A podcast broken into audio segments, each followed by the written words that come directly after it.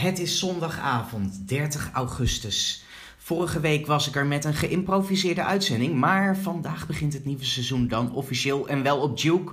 Geen roddelpraat, maar goede gesprekken op maat. En vandaag gaat het over reizen en dat is mijn grote hobby, al sinds mijn tienerjaren die zich niet tot de landgrenzen beperkt. De eerste keer dat ik alleen met de trein naar Antwerpen ging was in 2000. In Roosendaal stapte ik op de Benelux-trein, toen nog gereden met geel-rode treinen, om niet veel later op de Keizerslei te lopen. Een uitgebreide stop bij Frietkot Max volgde, waar ik mijn pak frieten rijkelijk bestrooide met kipkruiden. Enkele jaren later herhaalde het ritueel zich. Maar op de terugweg kwamen we tot stilstand bij Essen. Met de Belgische conducteur stonden we vervolgens naast het spoor een sigaretje te roken.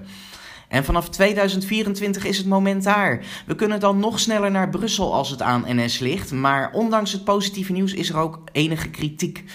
Vorige week was een zwaar ingeproviseerde uitzending, zei ik al. Maar vandaag start dus het seizoen officieel. En mede daarom is Hildebrand van Kuijer van treinreiziger.nl te gast. Dus benen op tafel, drankje erbij. We gaan beginnen. Welkom.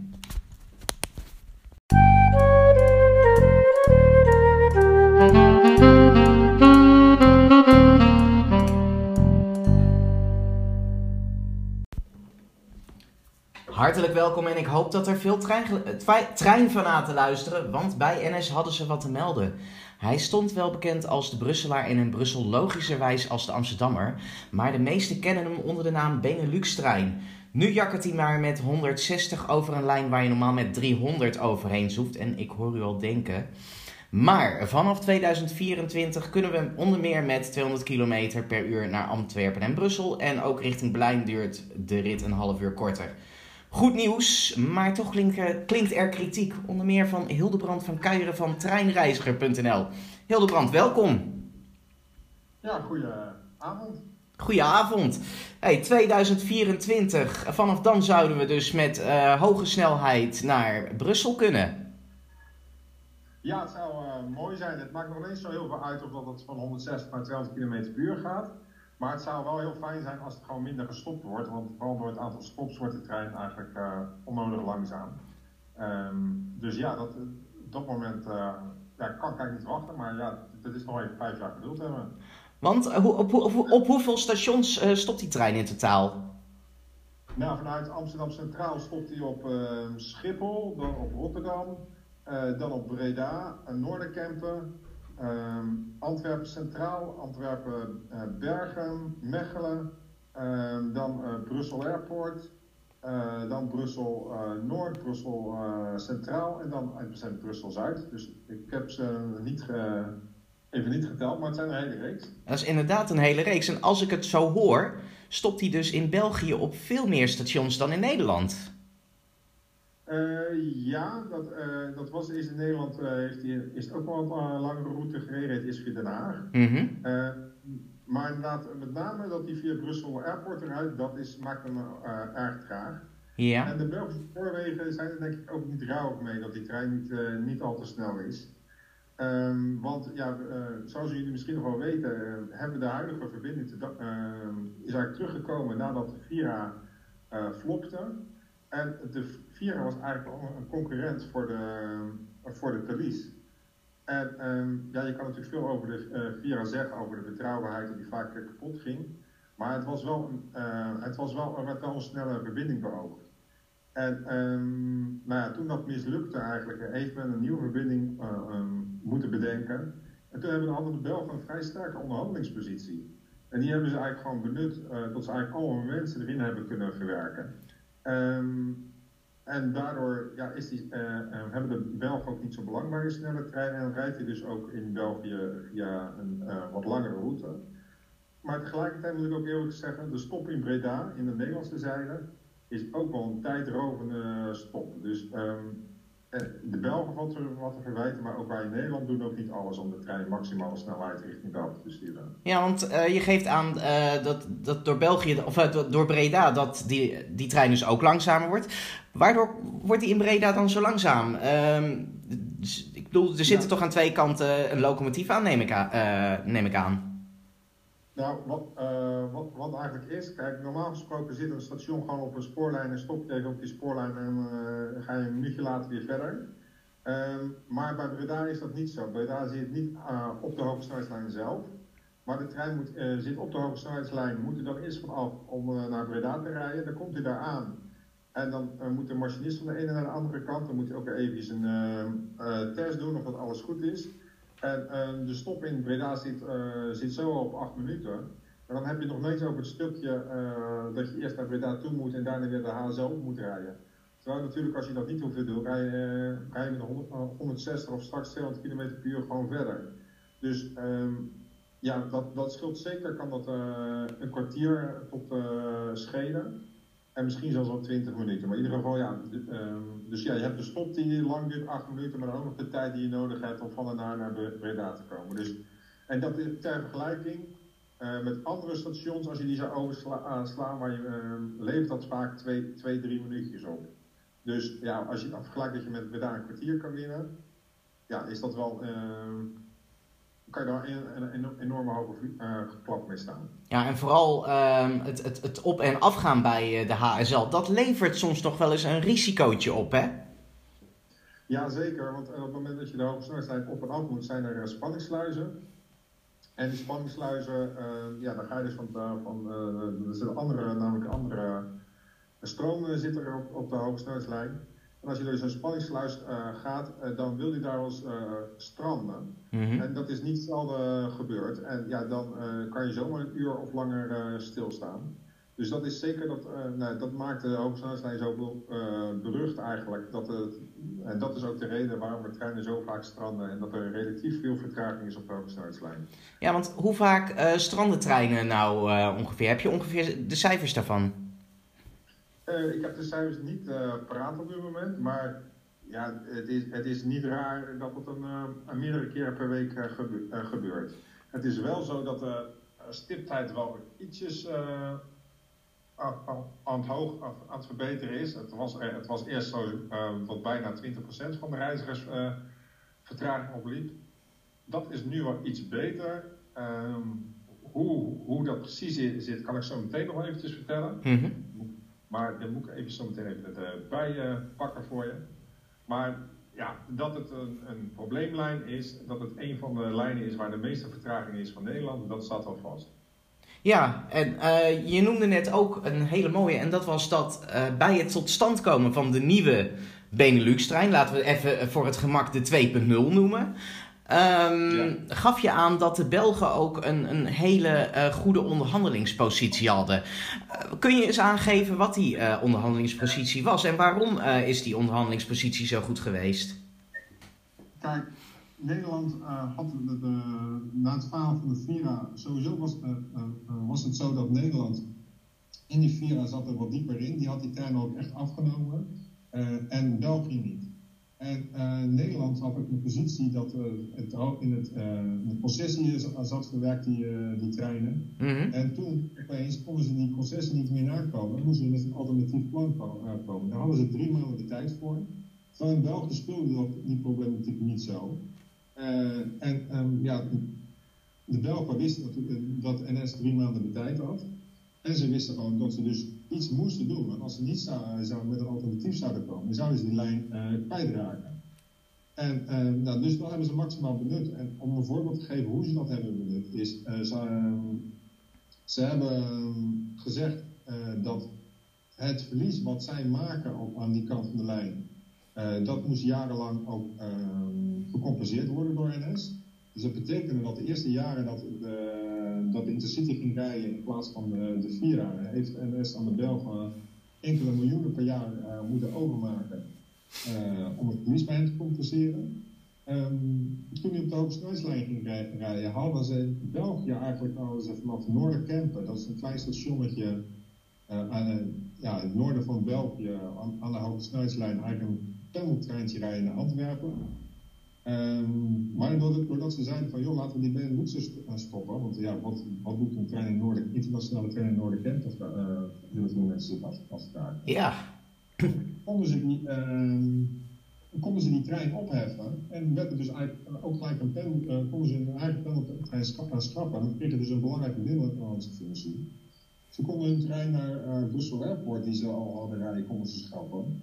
En zodoende konden ze eigenlijk veel van hun eigen treinen gewoon, die ze al hadden, erin schrijven. En daardoor kwamen ze ook dat die, ehm, dat die trein uh, erg snel werd.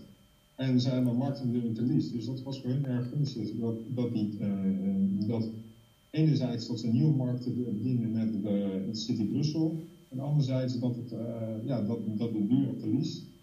Um, dat daar niet echt een concurrent, concurrent voor, voor kwam. Nee, en uh, ook de kosten voor uh, uh, ja, het stoppen bij Noorderkempen en bij Zaventem, want zo heet dat vliegveld geloof ik. Ehm, dat komt dus ook nog eens een keer voor rekening van, de, van onze Nederlandse spoorwegen, als ik het goed begrijp. Ja, nu is het, dat, dat klopt. nu is het, nou dat was eigenlijk zo, dat klopt niet helemaal. Het was, dat, ze moesten inderdaad compenseren. Maar dat was met name in de periode dat de City nog via Roosendaal reed. En uh, nu, zijn, nu wordt, hoeft er niet meer op die maat gecompenseerd te worden. Ik weet niet helemaal in detail wat op dit moment de afspraken uh, zijn. Maar sinds 2018 die via snelheidslijn rijdt, hoeven ze in ieder geval in, in, mindere mate te compenseren of helemaal niet meer. Maar ik dacht dat dat ze nog steeds moesten compenseren, maar in, in mindere mate. Dus niet het volledige verlies meer op te brengen, maar dat dat verlies nu gedeeld werd. Dat dacht ik. Ja. ja. Um, nou ja, en ook bij uh, de nieuwe trein die er nu aan gaat komen, zal de NS ook weer samen moeten werken met ja, de gevreesde Belgische vrienden. En nou ja, alleen al vanwege uh, de aandelen in hoge snelheidstreinen Thalys en Eurostar. Hoe staan de Belgen tegenover uh, deze nieuwe snelle Intercity? hebben zij niet liever gewoon, bij wijze van spreken, een, een ouderwets boemeltje wat ze naar Nederland laten rijden? Nou, dat is, wat dat betreft wel opvallend, is dat de bestelling en uh, de communicatie hierover is geweest, dit keer helemaal door, door NS is, heeft plaatsgevonden. Um, Want ik zie um, eigenlijk wel een. Uh, hoe heet het? Ik zie het het meest uh, bij wijze van spreken. Stel, uh, Mark de Scheemaker zou op dit moment nog bij de NMBS de baas zijn. Die had waarschijnlijk zoiets van: hé, hey, ik weet van niks. Um, Nee, ja. Dat, dat, uh, uh, dat, dat, uh, dat klopt. Um, even kijken, sorry, ik was hier even afgeleid. Er ging nu opeens hier een, iets, iets, iets afspelen. Oh, ja, dat heb ik ook wel eens last van. ja, nee. Um, maar nee, dus dat, um, even kijken, waar was, waar was ik gebleven? Uh, het ging over het meest utopische geval dat stel Mark de Scheenmaker, die zou nog uh, bij de NMBS de baas zijn, dat um, hij op een gegeven moment uh, zou zeggen over die communicatie van NS van hey hallo, ik ben niet van tevoren geconsulteerd hierover. Nou, ik denk wel dat, er wel, dat er wel goed contact is geweest. En ja, gelukkig is geen, de, dat was een, Mark de Scheenmaker was een bijzondere persoonlijkheid. Absoluut. En, en, we hebben nu een directeur bij de NMBS, waarvan ik zelfs de, de naam nu moet uit mijn hoofd weten. Dus dat zegt wel dat hij wat veel minder op de voorgrond uh, staat. Mm -hmm. Maar er is wel contact, uh, de, daar is wel contact geweest, uh, zegt NS. maar het valt wel op dat zij volledig de, alle treinen hebben besteld.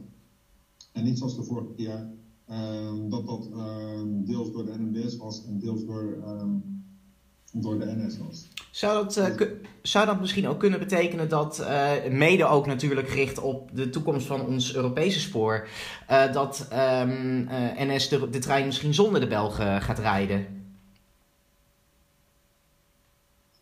Nou, dat, dat denk ik niet. maar ik denk wel dat de Belgen dat, de, dat risico daar weg, weg wil hebben. Mm -hmm. En dus, uh, dus daar niet zelf die treinen op bestellen. En uh, NS heeft er ook wel belang bij dat het de treinen worden die ze hebben besteld. Want dat is de ICNG.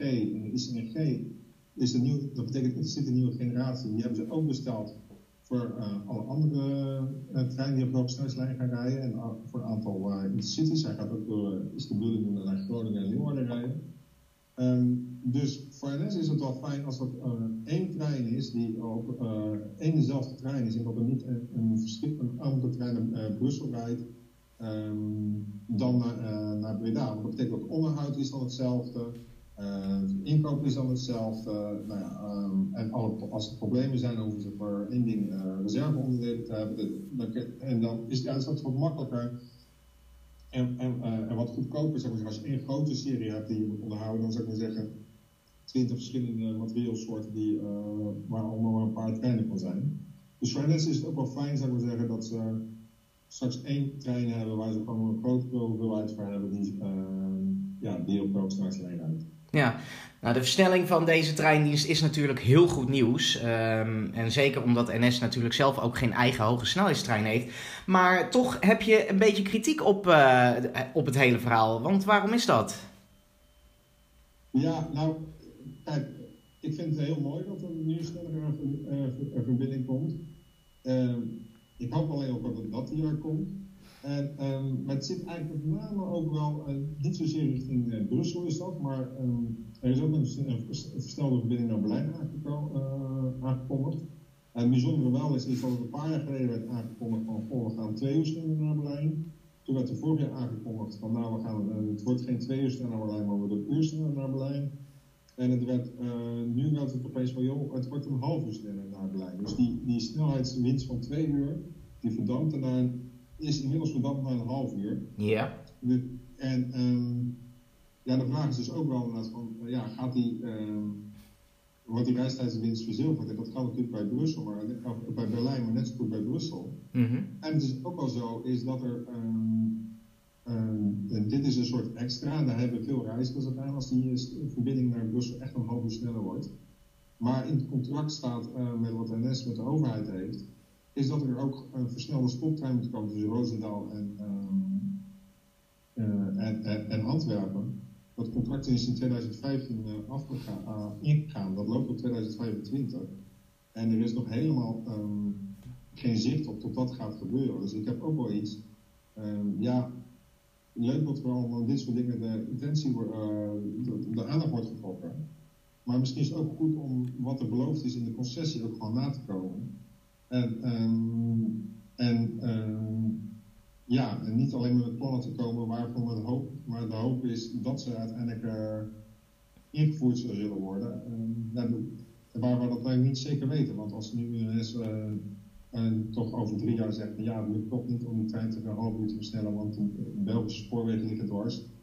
Ja, dan is dat erg jammer, maar dan kunnen we ze ook nergens aan houden. En waar we ze wel aan kunnen houden is wat in het hoofdbeeldproces staat.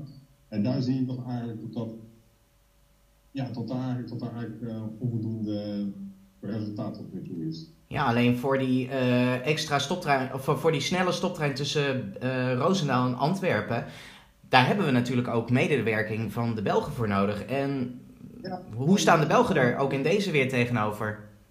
Nou ja, niet, die uh, hebben daar helemaal geen uh, interesse in. Uh, laat ik zo zeggen, ik heb er vorig jaar van de zomer eens even naar gevraagd wat er, wat er nog een voortgang in zat. En ook over een tweede stoptrein waar al tien jaar over wordt gesproken. Ja, daar, daar komt eigenlijk wanneer dat ze zeggen, ja, we onderzoeken wel wat er mogelijk is, maar voorlopig gaat er niks van. Ja, daar klinkt totaal geen urgentie uit. Dus ik zie dat eigenlijk niet zo veranderen. En dat is ook wel bijzonder juist op tot dat soort dingen dan juist in het hoofdwilnet uh, contract zijn opgenomen. Uh, met dingen die ze eigenlijk niet zo goed in de hand hebben. En um, ja, dat kan ze dan ook wel eens natuurlijk als excuus gebruiken dan.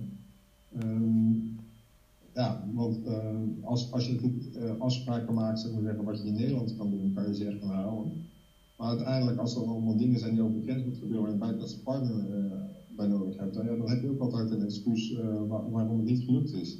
Ja. En ja, het is een beetje zwak.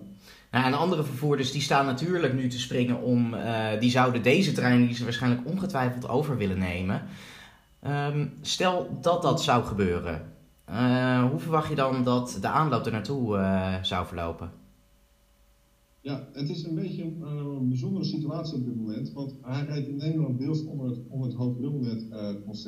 Mm -hmm. En internationaal vervoer is in principe vrij, daar kan iedereen rijden wat hij wil.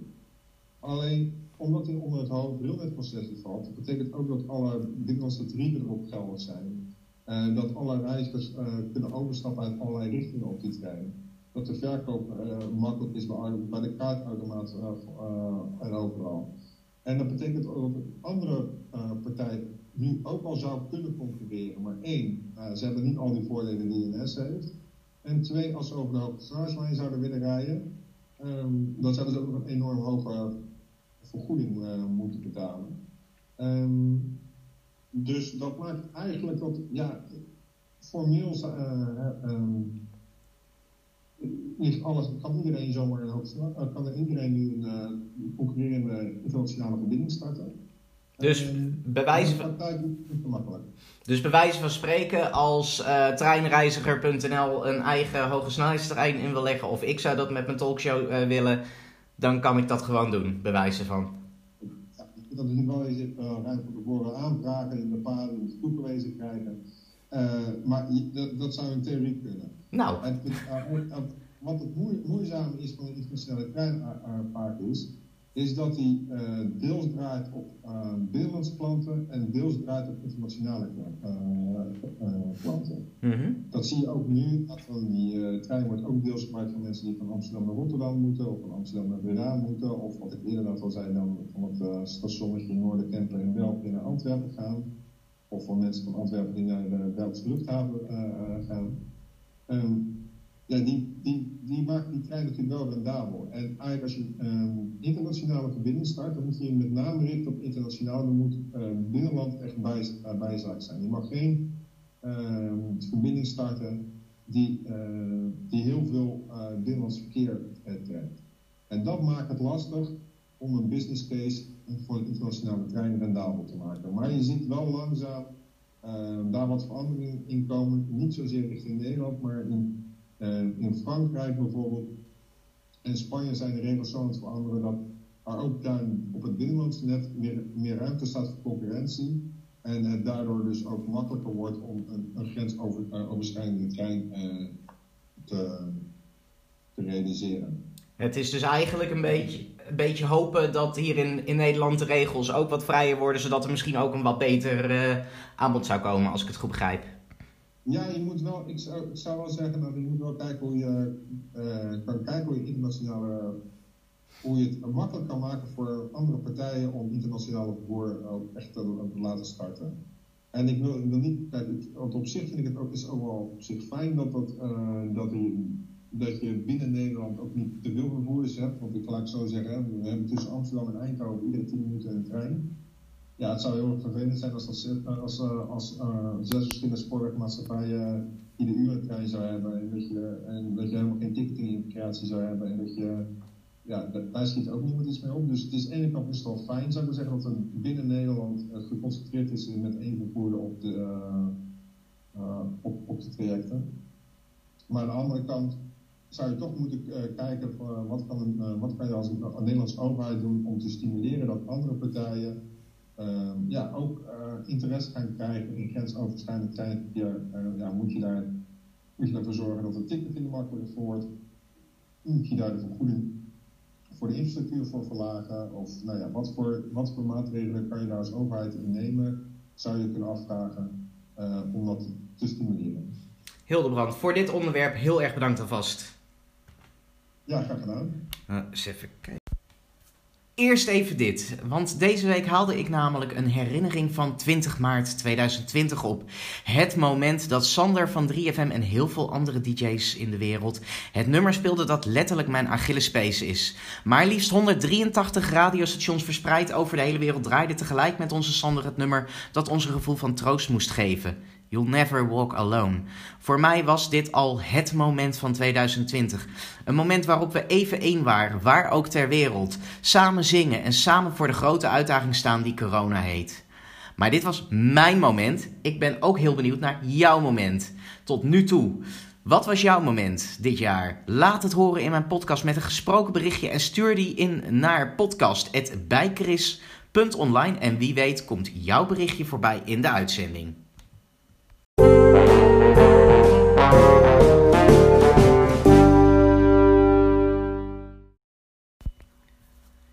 En we blijven nog even bij de spoorwegen, want sinds 2005 is er een onafhankelijke nieuwssite die over alles rond het spoor bericht.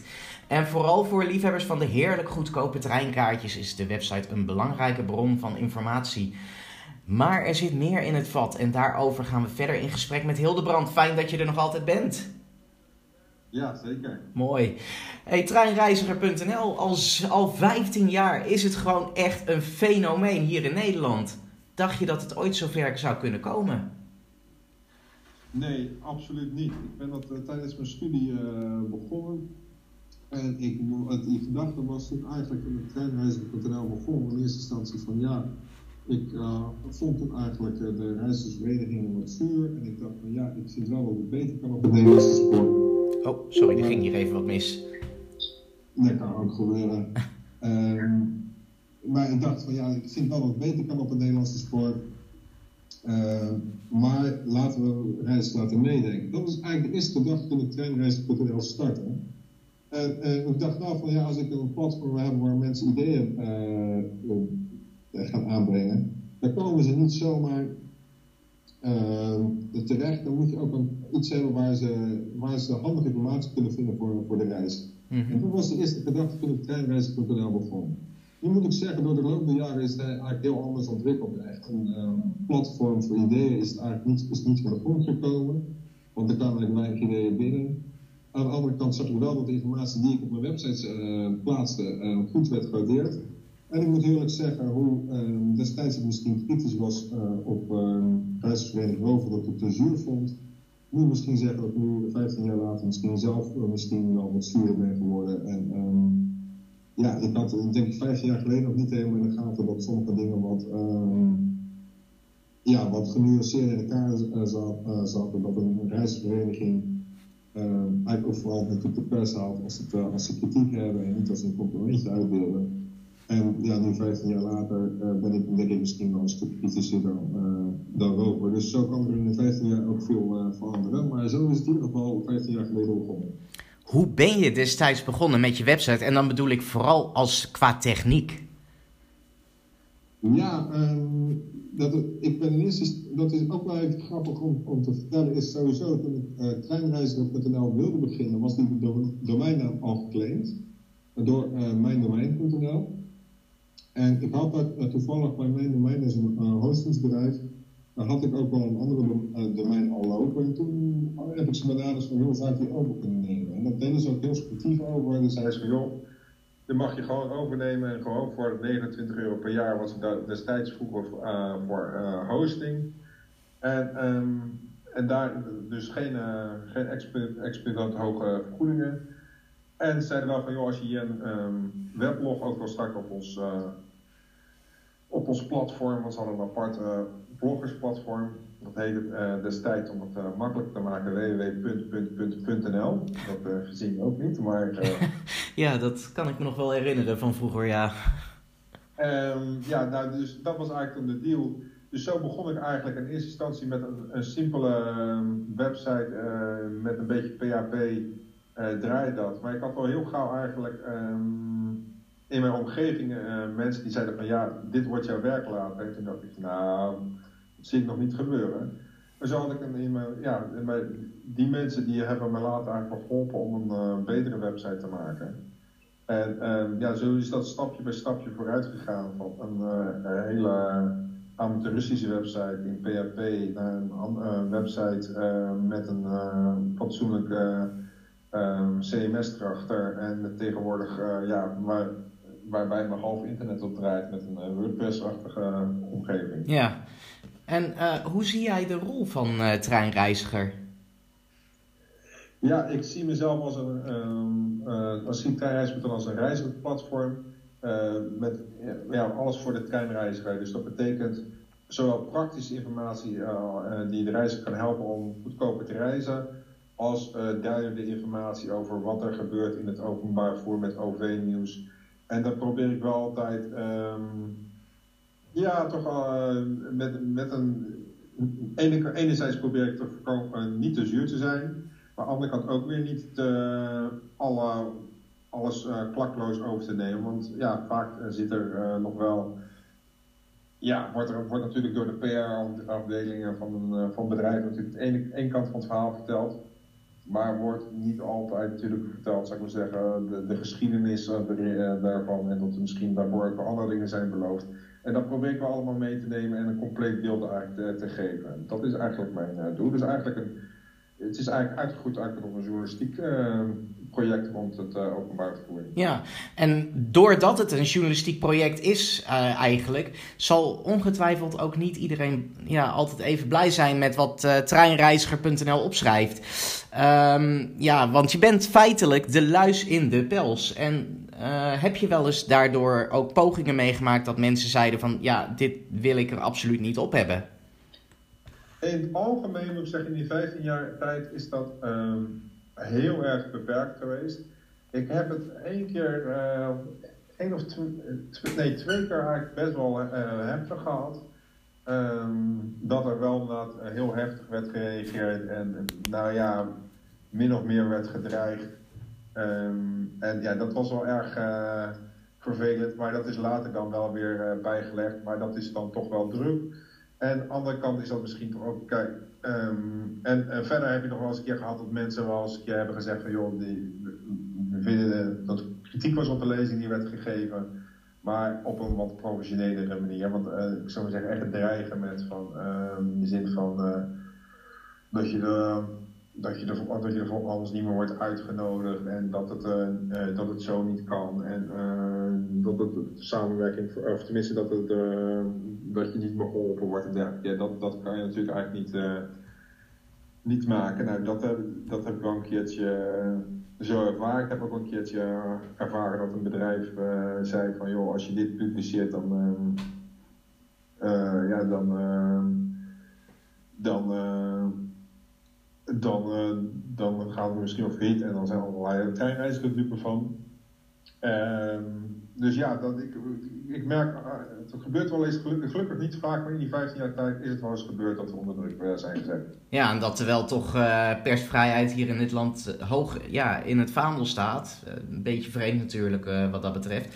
Maar ja, ja. Denk ik, ik denk, ik denk dat uh, andere media, denk ik, uh, ik denk hoe groter je bent, hoe, hoe, meer het af en toe daar misschien wel last van is. En wat ik zeg, de één keer dat wat erg werd, gedreigd, is dat later wel weer uitgesproken. Toen is eigenlijk ook wel excuses gemaakt. Dat, door, ik, wil, ik zou ze niet, niet aan naming en shaming doen, maar heeft toch ik daar eigenlijk wel excuses gemaakt dat ze te ver zijn, zijn gegaan. Dus uiteindelijk is dat allemaal wel goed gekomen. En dus, nou, in principe ben ik, uh, ja, gebeurt, gebeurt, het wel, uh, gebeurt het wel, maar in het algemeen ben ik toch best tevreden over hoe er wordt uh, samengewerkt.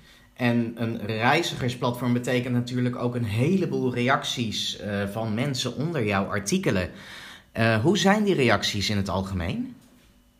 Ja, dat is, dat is eigenlijk sinds denk ik een jaar of drie dat, we daar, dat je onder onze reacties uh, onder artikelen kon reageren. Toen we daarmee begonnen had ik eigenlijk niet echt de verwachting dat dat nou echt iets zou doen.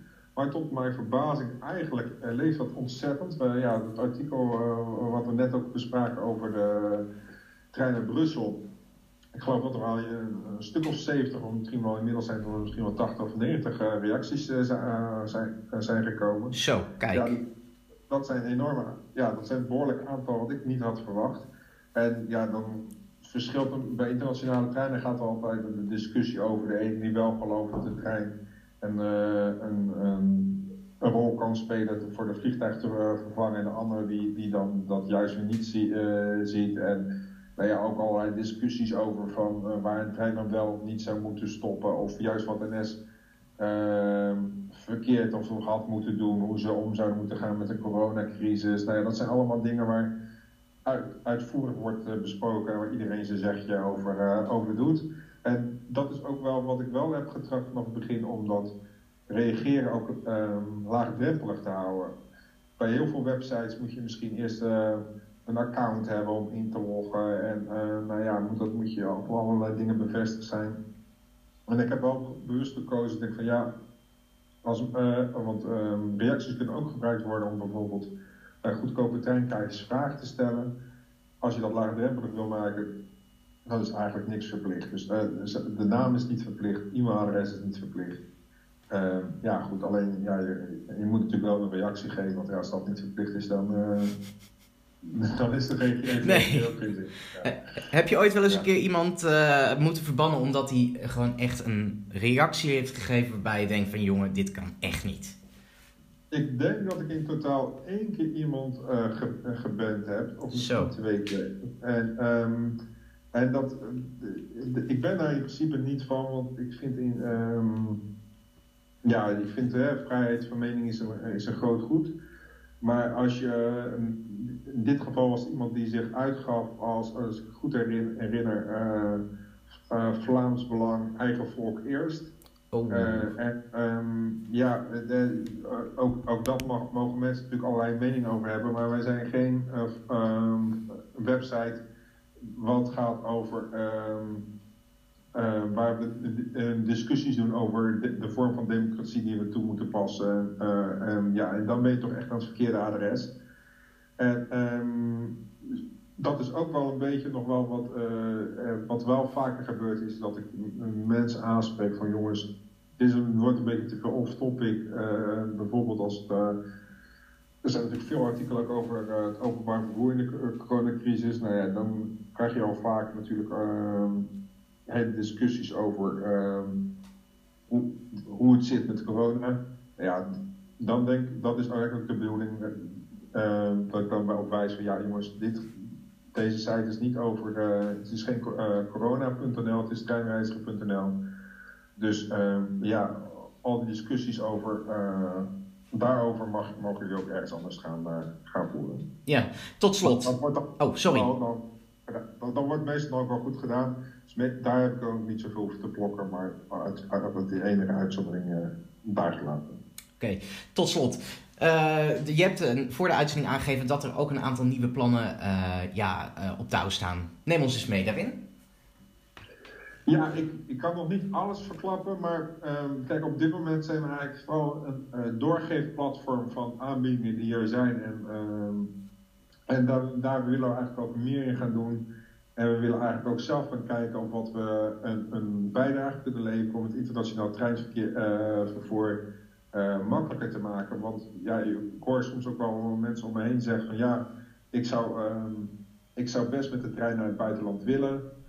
Maar ja, ik, het, het, is, het is moeilijk om te boeken of het is, uh, het is duur. En, um, en ja, soms is dat natuurlijk ook gewoon zo. Maar soms is het ook zo dat er er best mogelijkheden zijn om goedkoper te reizen, eh, maar dan moet je die wel weten. En um, nou, willen we gaan kijken of wat we daar eigenlijk een, een reisaanbod kunnen creëren.